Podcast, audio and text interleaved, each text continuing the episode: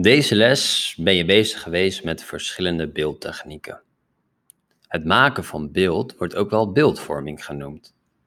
Je hebt geleerd dat diepte, grootte, witruimte, nadruk en schaduw wordt gebruikt om een bepaald gevoel op te wekken.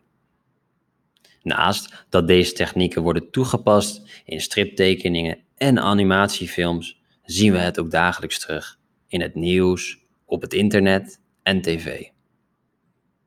We gaan straks kijken naar hoe deze technieken terugkomen in een aantal afbeeldingen. Tot zo. Hierbij het eerste voorbeeld.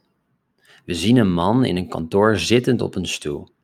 De persoon is het middelpunt van deze scène. Om hem heen gebeurt er eigenlijk niet zoveel. Dit zouden we ook wel kunnen zien als het witruimte. Daarnaast wordt de persoon van bovenaf gefilmd en lijkt die door de diepte hiervan best wel klein. Dit is zo gedaan zodat je onbewust denkt dat deze persoon iets fouts heeft gedaan.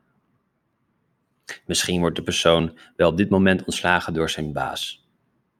Om dit te benadrukken is er ook schaduw toegepast. Maar schaduw hoeft niet een negatieve betekenis te hebben. Zo zie je in deze afbeelding een vrolijke vorm van schaduw, op deze een mysterieuze vorm van schaduw, op deze een spannende en op deze foto een grappige vorm van schaduw. De technieken die je vandaag hebt geleerd worden ook in het echt toegepast.